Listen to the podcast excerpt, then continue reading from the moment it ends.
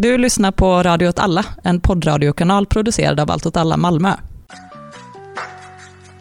Du lyssnar på Stundens hetta. I Stundens hetta diskuterar vi aktuella händelser och situationer som berör oss alla, på samhälls och individnivå. Följ oss på sociala medier och stöd vår verksamhet genom patreon.com snedstreck Malmö. Hej och välkomna till veckans avsnitt av Stundens hetta, episod 9. Och idag ska vi prata om Portland, vi ska prata om eh, överstatliga organisationer och vi ska prata med en vänsterjournalist som har gått ur tiden. Och med mig idag har jag Anna. Hej. Och Kalle. Hej. Och jag tänkte vi skulle börja med att prata om eh, Portland som ligger i delstaten Oregon i USA. Där har det varit eh, 58 dagars protester. Och vi har pratat om det lite i förra avsnittet och då pratade vi mest om att eh, folk hade blivit eh, gripna av eh, militärklädda personer i civila bilar. De här personerna som eh, grep folk är federalagenter som mm. vanligtvis brukar göra sådana vedervärdiga saker som att eh, ta eh, papperslösa och skicka dem i läger eller vakta mm. gränsen mot Mexiko. Och riktigt dåliga människor. Riktigt dåliga människor. Och eh, de här federalagenterna har setts in i eh, Portland och det snackas om att de ska också sättas in i Chicago. Och anledningen till att de sätts in i Portland är då för att eh, angripa det som presidenten Donald Trump menar är eh, violent anarchist, thugs och eh, ligister. Thug är ett så hårt ord. Alltså. Det är ett väldigt hårt ord. eh, men det som har hänt istället i Portland är att det har blivit stora protester emot det här eh, angreppet, som man mm. ser det, ett angrepp mot staden, ett angrepp mot eh, delstatens autonomi, mm. alltså ett antikonstitutionellt ingrepp då. Mm. Så eh, det började med att några hundra personer kanske samlades utanför en federal byggnad där de här agenterna utgår ifrån. Och de protesterna har bara ökat omfattning och nu är det liksom tusentals personer där som går dit varje kväll mm. och eh, protesterar på alla sätt de kan mot att de här federala agenterna är i eh, är där. Och det finns lite olika idéer om varför presidenten har valt att sätta in federala agenter. En är ju då att det liksom är en del av det narrativet kring protesterna, alltså att man har ju redan från start, det har jag också benämnt tidigare här, pratat om att protesterna är liksom orkestrerade av eh, av eh, kringresande personer som skapar mm. våld. Och de får mm. lön från någon oklar... Precis. Och, Soros. Mm. Exakt. Och att det här är... Och att de här federala agenterna skickas in för att skydda, skydda framförallt federal egendom. Det är liksom mm. huvudskälet. Mm.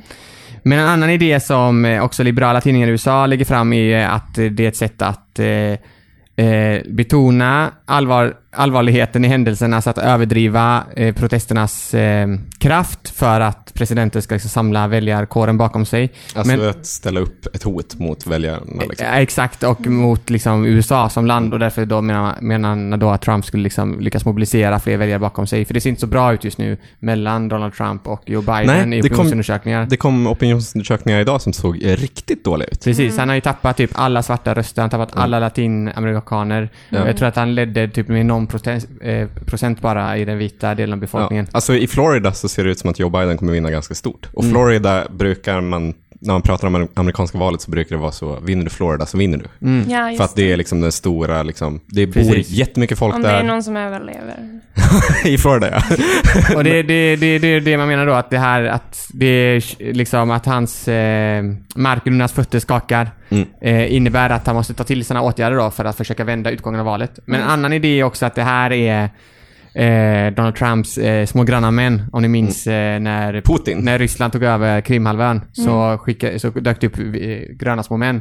Mm. Som eh, bara helt plötsligt var där och tog över Krim. Och sen alltså, var militärer som inte, hade någon, som inte svarade på frågor och sånt. Exakt. Vilka är ni? Och det här kan vara Trumps version av det och mm. någonting han också skulle kunna använda i valet. För ett stort, en stor grej han kör på just nu det är att i förra valet så använde Hillary Clinton mycket papperslösa immigranter för att sätta, boosta sina väljarsiffror, att de fick rösta flera gånger och sånt. Och då kan mm. använda de här federalagenterna för att hålla koll mm. Eh, på uh, att det inte valfuskas då. Kan, mm. Bör tillägga att det var inget Nej, var, nej det, var det är ju en konspirationsteori. Det är en konspirationsteori. Men att det, det, är ett sätt för honom då att genomföra någon typ av mjukkupp. Liksom. Ja, det är som Bolivia liksom. Ja, ja exakt. Men också, alltså det är också Republikanska partiet generellt bedriver ju ständigt små mjuka kupper. Mm. Att hålla nere väljardeltagandet. Exakt, mm. och det här kan vara ett sånt eh, försök då.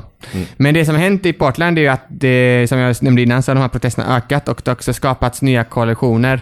Vi har eh, eh, Wall of Moms, vi har eh, som är en mammagrupp som skyddar demonstranterna mot de federala agenterna.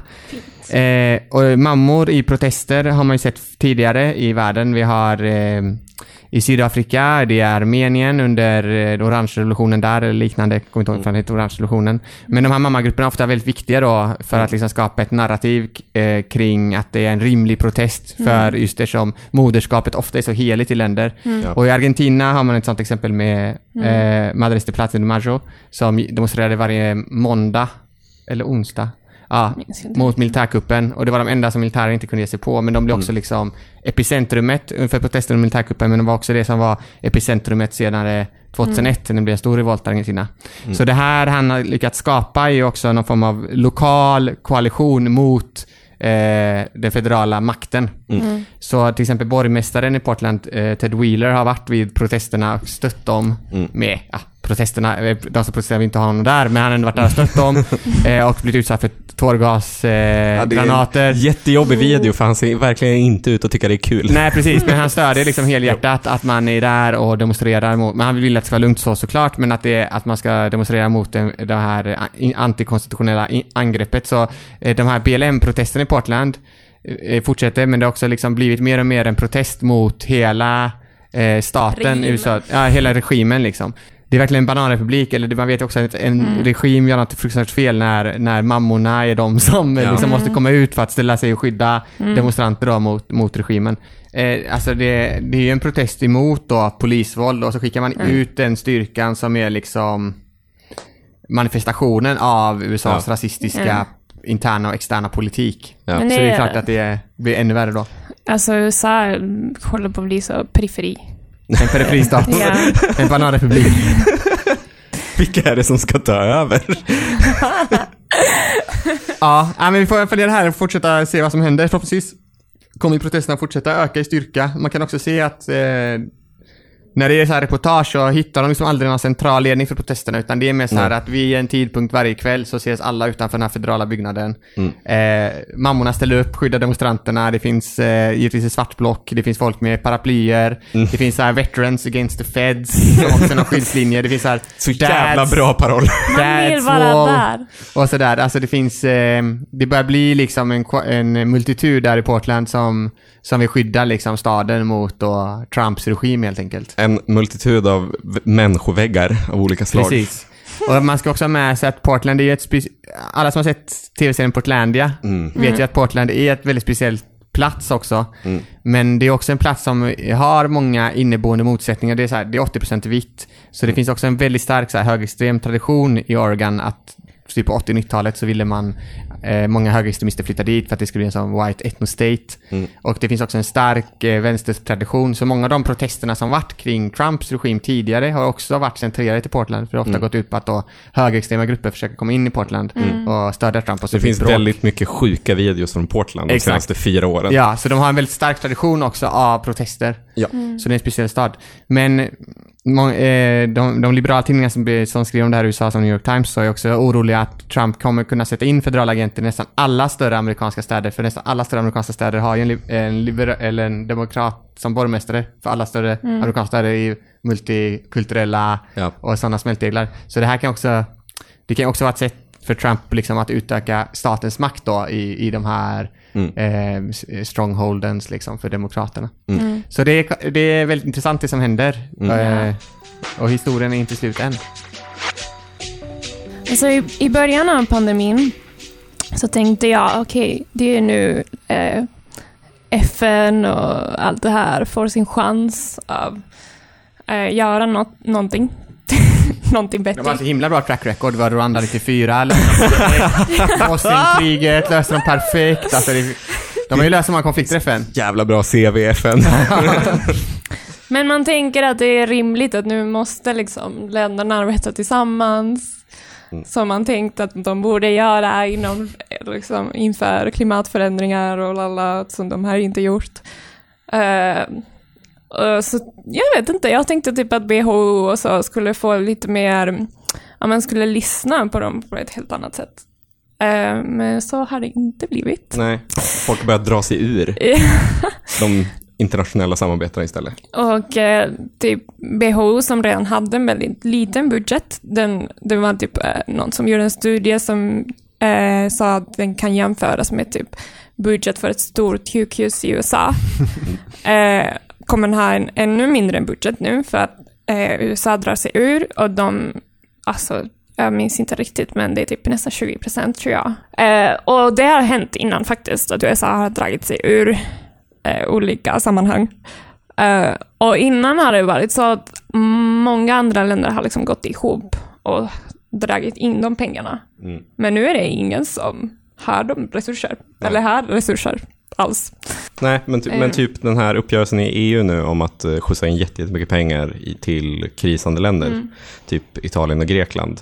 Det, det verk, enligt väldigt många så verkar det i huvudsak ha handlat om att bibehålla EU. Alltså Ja. att, att se till så att EU bara inte faller sönder. Ja. Eller så att bibehålla euron, men också EU Mm. som projekt, mer generellt. Det var också kul, Anders Tegnells sommarprat. Jag lyssnade inte på det, för det verkade ju jätte, jätte, Jag jättetråkigt. lyssnade på den. Du gjorde det? Ja. Men, men visst, har, är det, jag läste massa rubriker om att han sa eh, att, att alla tappade sina huvuden, att alla blev tokiga. All, Ja, ja. resten av världen. Ja, hela eh, hans och släppte liksom, liksom alla s- samarbeten.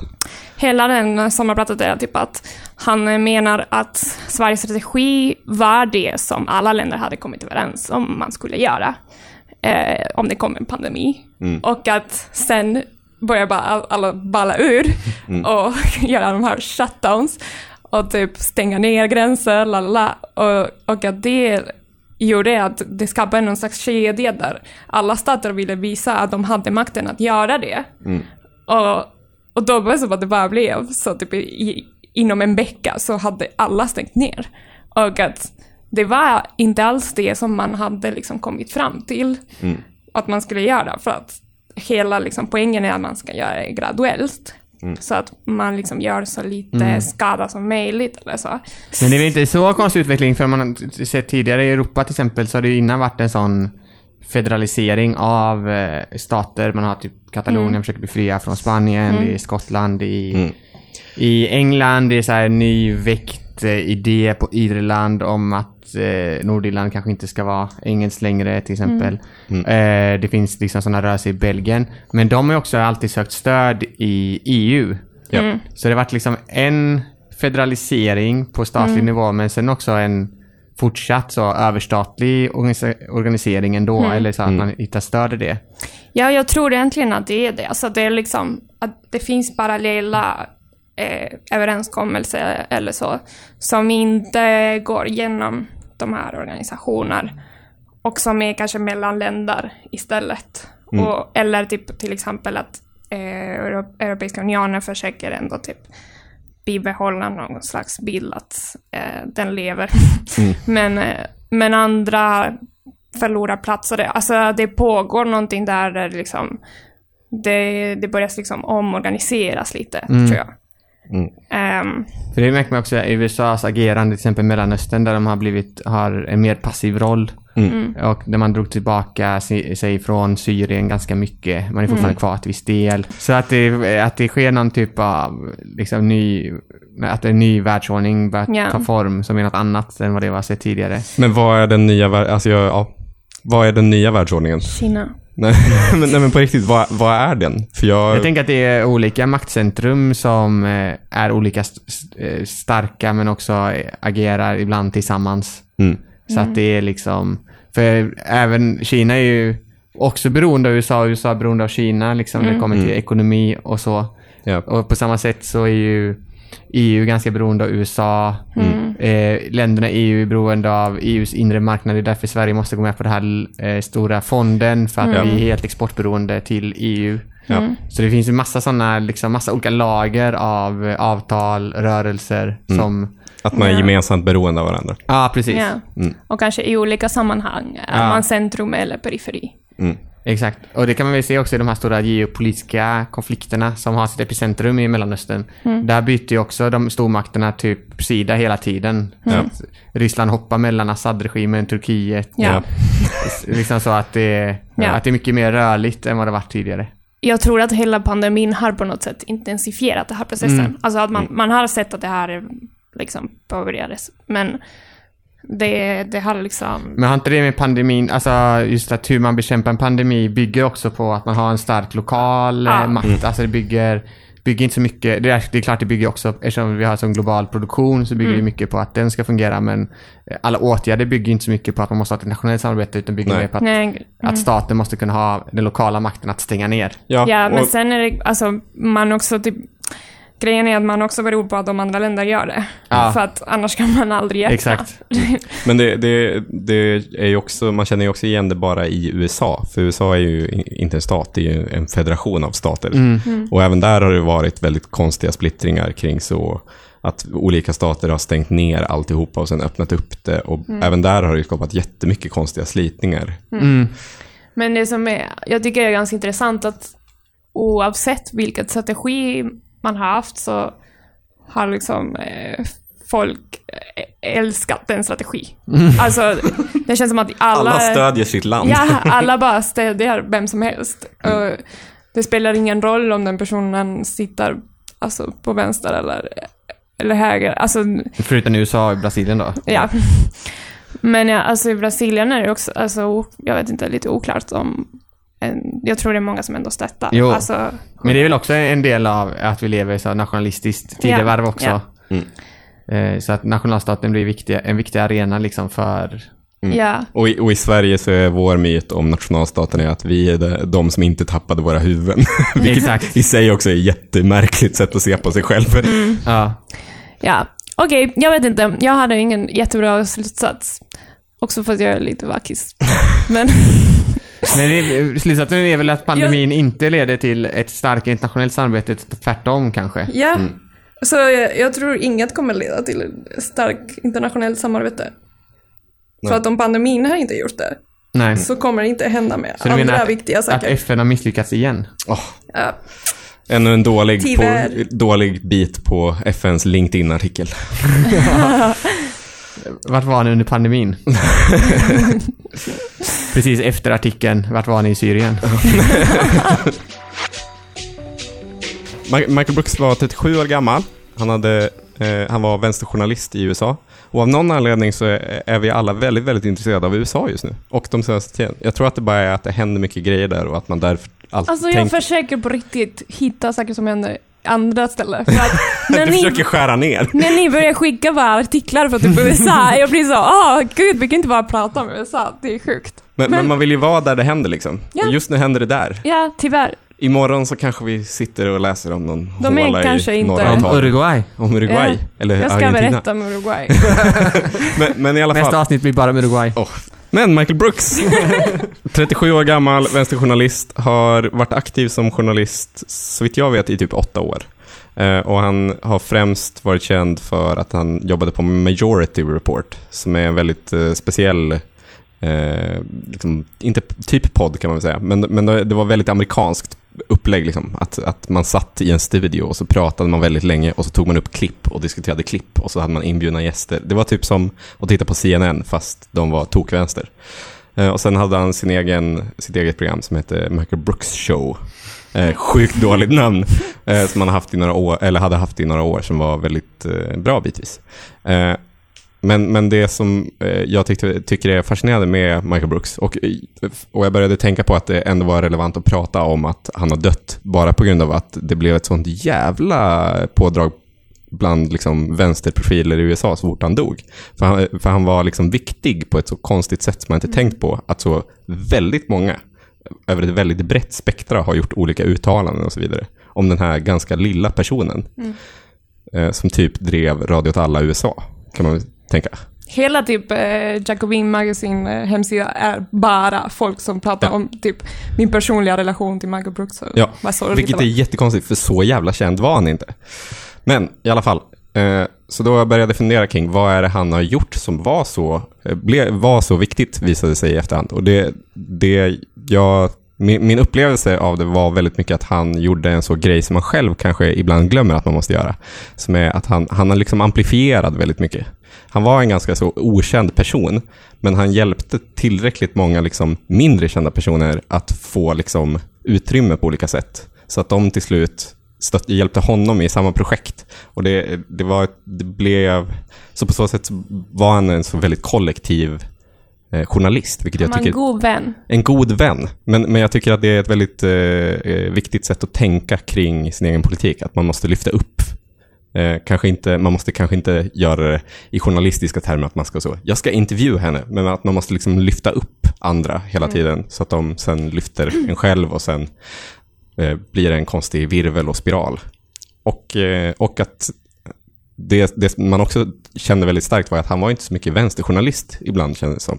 För han, han kom också ur 2008-generationen av liksom rörelser. Och han var, han, eh, jag, min upplevelse var väldigt mycket att han såg sig själv mer som rörelsejournalist, vilket jag också tyck, tycker är ett väldigt rimligt sätt att tänka kring sig själv eller sitt projekt. Och inte nödvändigtvis, återigen, för att man är journalist, men mer generellt att man inte måste tänka kring sig själv så jag gör, jag är vänster, utan att man alltid försöker eh, se sig som en del av någonting som är på väg någonstans. Så de, han sadlade ju om väldigt många gånger och har, har varit, alltid varit på olika sätt viktig i alla nya vågor som kommit. Eh, och jag har inte så mycket mer att säga om det. Är inte det exakt som allt alla är då? Oh, oj, jag tänkte inte dra det så långt. Jag tänkte låta det vara subtext. Men okej. okej. Jo, men när du berättar om det är väl exakt Lite så... narcissism på gång här. Men när du berättar om det är det exakt så vi har försökt tänka och göra. Ja, det är det vi försöker. Det är det Ja. vi försöker. men, men jag, jag, jag, blev, eh, jag blev humbled av att se att han, eh, att han fick så himla mycket eh, uppmärksamhet. Mm. Kärlek. Det, det är väldigt fint. Mm. Och, eh, och eh, man drömmer ju om att när man själv dör så kommer det se ut så. Om man vill, På allas eh, Twitterflöden. Om man vill ta del av Michael Brooks, vad ska man läsa då? Eller vad ska man kolla in? Alltså allt han gjorde var så jävla dagsaktuellt. Mm. Det är ganska tråkigt med honom var att det ofta var så, haha, nu har någon sagt något dumt. Ja, okej. Det är inte så jävla roligt att titta Nej. på fyra år senare liksom. Ja.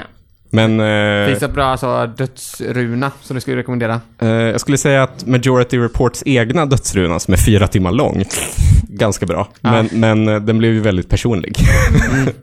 Det är någon eh, feminist, jag vet inte vem, som... Eh, men hon säger att eh, man ska inte tänka makt över, man ska tänka, tänka makt för. Så makt för att amplifiera andra. Mm. Eller för, eh, istället för att tänka jag ska ha makt Jag över ska, någon jag ska annan. styra de här andra mindre vänsterjournalisterna, så Ja. istället så ska man ge dem möjlighet att styra sig själva. Yes.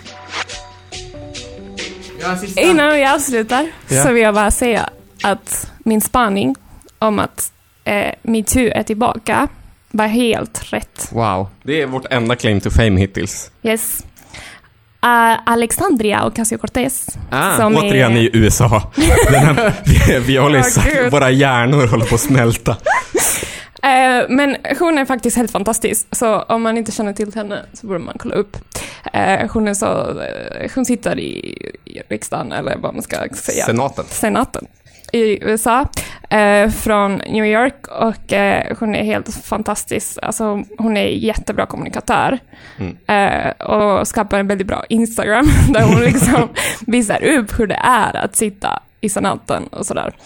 Och hon eh, pratade i veckan om att någon republikan hade typ harassed henne. Eh, Just det.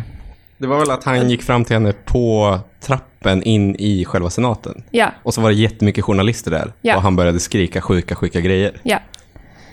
Eh, och sen så pratade hon om det och typ gjorde en statement och sådär.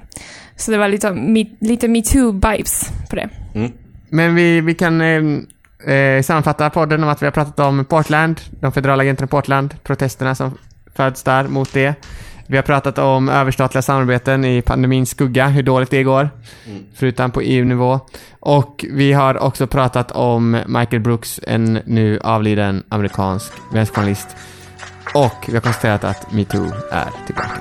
Följ oss på sociala medier och stöd vår verksamhet genom patreon.com snedstreck